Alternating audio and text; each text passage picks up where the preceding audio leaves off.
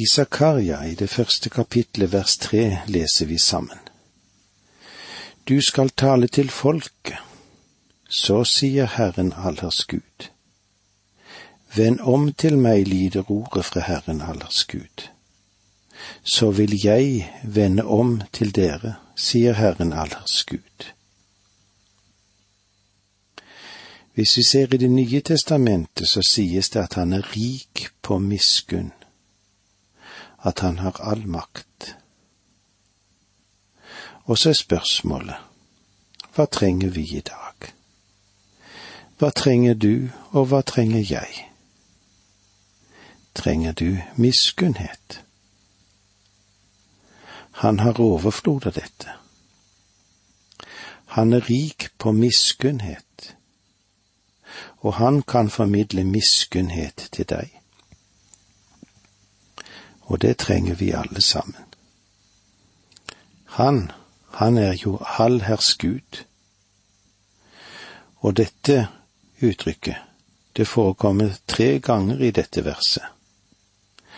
Og igjen i det fjerde verset og i det sjette verset.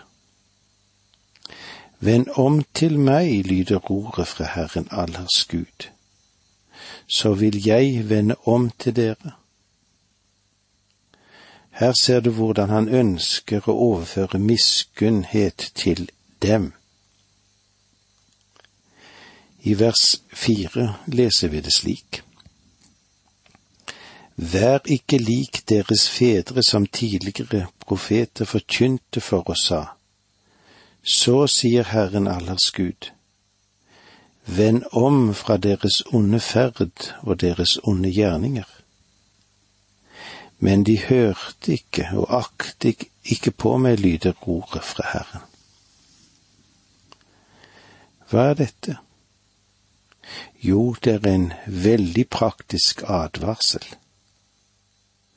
Han sier, deres fedre tok ikke hensyn til det de profeter sa som jeg sendte til dem.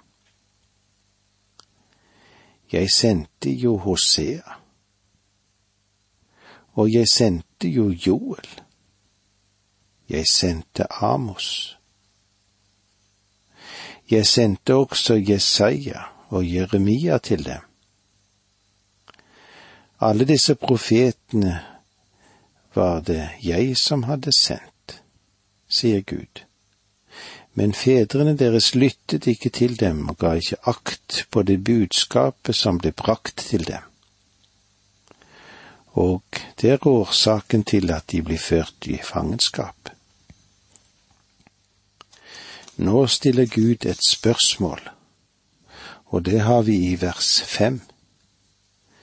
Hvor er nå deres fedre? Og profetene, lever de til evig tid?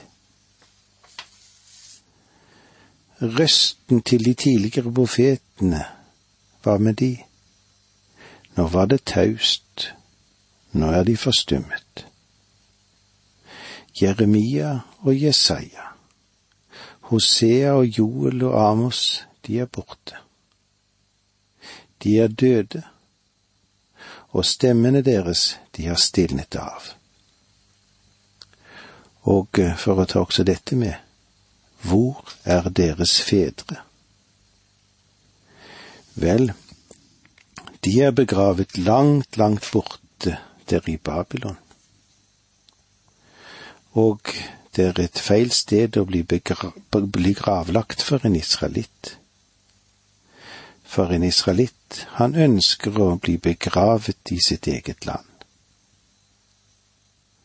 Selv gamle Jakob, som befant seg i Egypt, fikk Josef til å avlegge ed på at han ikke skulle bli begravet der i Egypt. Han sa, Jeg ønsker å bli ført tilbake og begravet sammen med mine fedre. Og det er der hans legeme hviler i dag. Han hviler der i Hebron. Håpet for patriarkene og de gudfryktige israelittene var å befinne seg i sitt eget land ved den tiden for de dødes oppstandelse. Har du noen gang vært i Jerusalem, så vet du at foran østporten, ned gjennom Kedrondalen og opp hele åssiden på Oljeberget, ja, der finnes det israelske graver. Araberne, de raserte en del av dem, men de er restaurert av israelittene.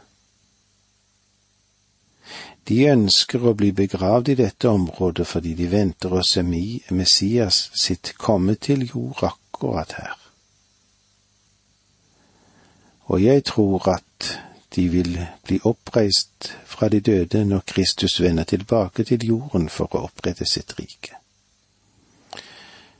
La meg òg få stikke inn dette at ved bortrykkelsen vil ikke Jesus komme til jorden. I stedet er det slik at han vil kalle sine egne frem fra jorden og møte dem i luften. Da kommer han ikke for å opprette sitt rike, rike på jord. Først vil verden gå gjennom den store trengsel, og da vil Kristus komme personlig til jorden for å herske. Så du skjønner at det er ikke noe poeng i å oppreise de hellige fra Det gamle testamentet, både jøder og hedninger, før trengselstiden. For da måtte de jo vente til trengselen var over før de kunne gå inn i riket. Derfor kan du se at Guds spørsmål til Zakaria var så betimelig. Hvor er nå deres fedre? De er begravd nede ved kanalen i Babylon. Og det er ikke noe sted å være for, for håpet ditt, det er jo Israels land. Vers seks. Mine ord og bud som jeg bød mine tjenere profet, profetene å forkynne, har ikke de rammet deres fedre, så de måtte vende om og si, som Herren allers Gud hadde satt seg for å gjøre for oss etter vår ferd og våre gjerninger. Slik har han gjort med oss. Har ikke de rammet deres fedre? Det betyr kanskje òg på denne måten, har ikke disse ordene nådd dem ved at dommen rammet dem? Så måtte de vende om og si, som Herren allers Gud hadde satt seg for å gjøre med oss etter vår ferd og våre gjerninger. Slik har han gjort med oss. De var til slutt tvunget til å erkjenne at dommen som var kommet over dem, var rettferdig fra Guds side. For han hadde jo advart dem, men de hadde ikke lyttet til ham. Dette avslutter den praktiske og advarende innledningen. Ja, den innledningen som vi kommer til de ti synene, da. Men vi ser òg det at Zakaria, han tar ikke med silkehansker på fortidens synder. Det han gjør, han vektlegger det som ligger i den guddommelige tilgivelsen, den som Jesus har gitt oss. Og eh, med disse ordene må vi si takk for nå, må Gud være med deg. Dette undervisningsprogrammet består av to deler. Åge Nevland fortsetter nå med andre del av dagens undervisning. Vi er i profeten Zakaria. Og Zakaria han var jo samtidig med Haggai. Og disse to var interessert i det samme. De ville gjerne være med å oppmuntre jødene til å fortsette gjenoppbyggingen av det forsømte tempelet.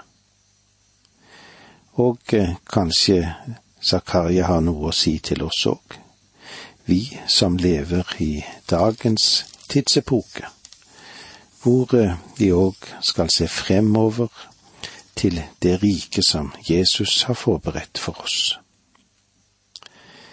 Vi vil se nå på de ti synene som Zakaria hadde. Og eh, Det er vel kanskje slik at noen tolkere eller fortolkere sier at det er åtte syner her. Men eh, jeg tror det er viktig å legge merke til at det egentlig er ti. Og eh, det vil jeg forklare etter hvert som vi går frem i denne teksten. Vi ser nå på synet med rytteren under myrtertrærne. Det første synet dreier seg altså om hester og om ryttere under myrtetrærne. I vers syv leser vi slik. Den 24. dagen i den ellevte måneden. Det er måneden Shebat i det andre regjeringsåret til Darius kom Herrens ord til profeten Zakaria, sønn av Beritja, som var sønn av Iddo. Han sa. Siden det hebraiske året ikke begynner med januar, så er den ellevte måneden tilsvarende vår februar. Den 24. februar år 520 før Kristus. Det spesielle ved dette skal vi nå merke oss snart.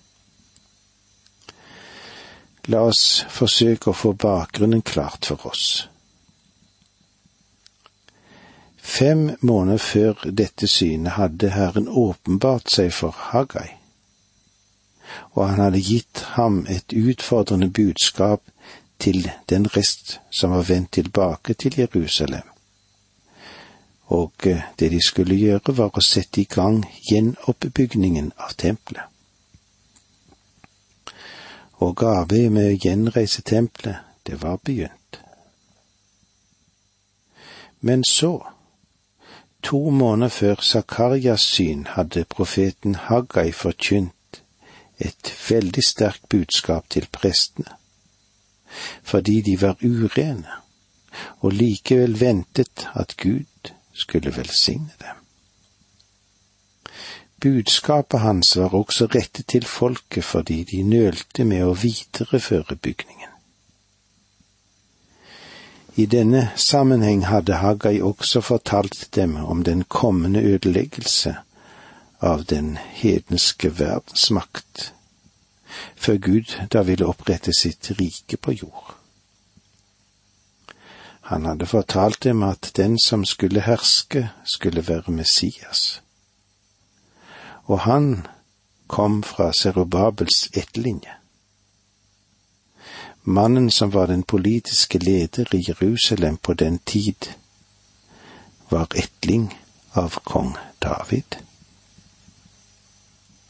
Det var ved denne tid mens tempelet var under gjennombygning, at Zakaria fikk disse ti synene.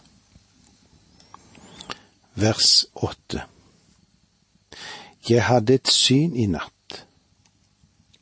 Jeg så en mann som red på en rød hest. Han hadde stanset mellom myrtetrærne i dalbunnen, og bak ham sto røde, rødbrune og hvite hester. Jeg hadde et syn i natt. Han sier ikke jeg drømte i natt. Du kan kanskje få det inntrykket fordi Zakaria hadde disse synene på natten eller om natten, at det egentlig var drømmer det dreide seg om. Men han gjør det helt klart at dette var syner. Det var ikke drømmer. Zakaria var helt våken, og jeg tror heller ikke han tok noen sovepille. Det ville kanskje ha hjulpet han med søvn den natten. Nei, han var våken. Legg merke til at Zakaria sier det at jeg så. Det er viktig å forstå hvordan Gud åpenbarte seg for denne profeten ved denne tiden. Jeg så en mann som red på en rød hest.